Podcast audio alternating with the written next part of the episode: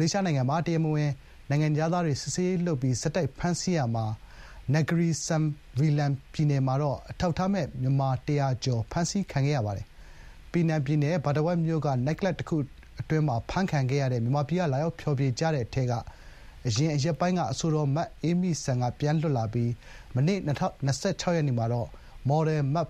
ဖူးပွင့်ခိုင်က ပြန်လွတ်လာပါတယ်။ကျန်တဲ့သူတွေကိုတော့ တရားရုံးက ထောင်ချလိုက်ပါတယ်။ ဒီသတင်းကို ဗွီအိုအေသတင်းထောက် မအေးအေးမာက သတင်းပေးပို့ထားပါတယ်။ Battawat မြို့နယ်ထဲက နိုက်ကလပ်တခုအတွင်းမှာ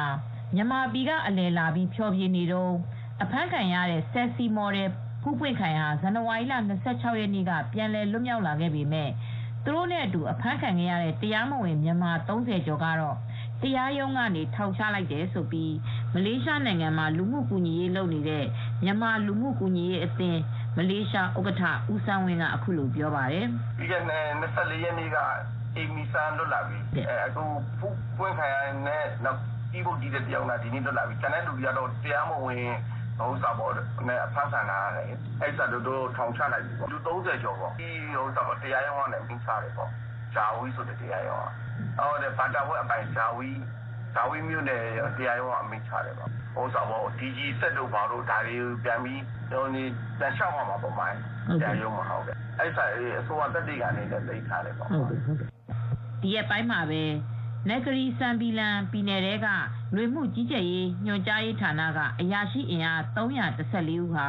အော်ပရာစီစစ်ဆင်ရေးလုပ်ပြီးဖမ်းဆီးခဲ့ရာမှာမြန်မာ၁၀၀ကျော်အဖမ်းခံရတယ်လို့မလေးရှားနိုင်ငံက မြန်မာ့အရေးတက်ကြွလှုပ်ရှားသူဦးစိုးထက်သိန်းကလည်းအခုလိုပြောပါတယ်။"စလင်မန်းမှာဖြစ်တာပါ။စလင်မန်းဆိုတော့ KL နဲ့မဝေးဘူး။ကပ်ရက်ပဲ။ Negri Sembilan ဆိုတာပြည်နယ်ပေါ့နော်။အဲဒီမှာနိုင်ငံခြားသား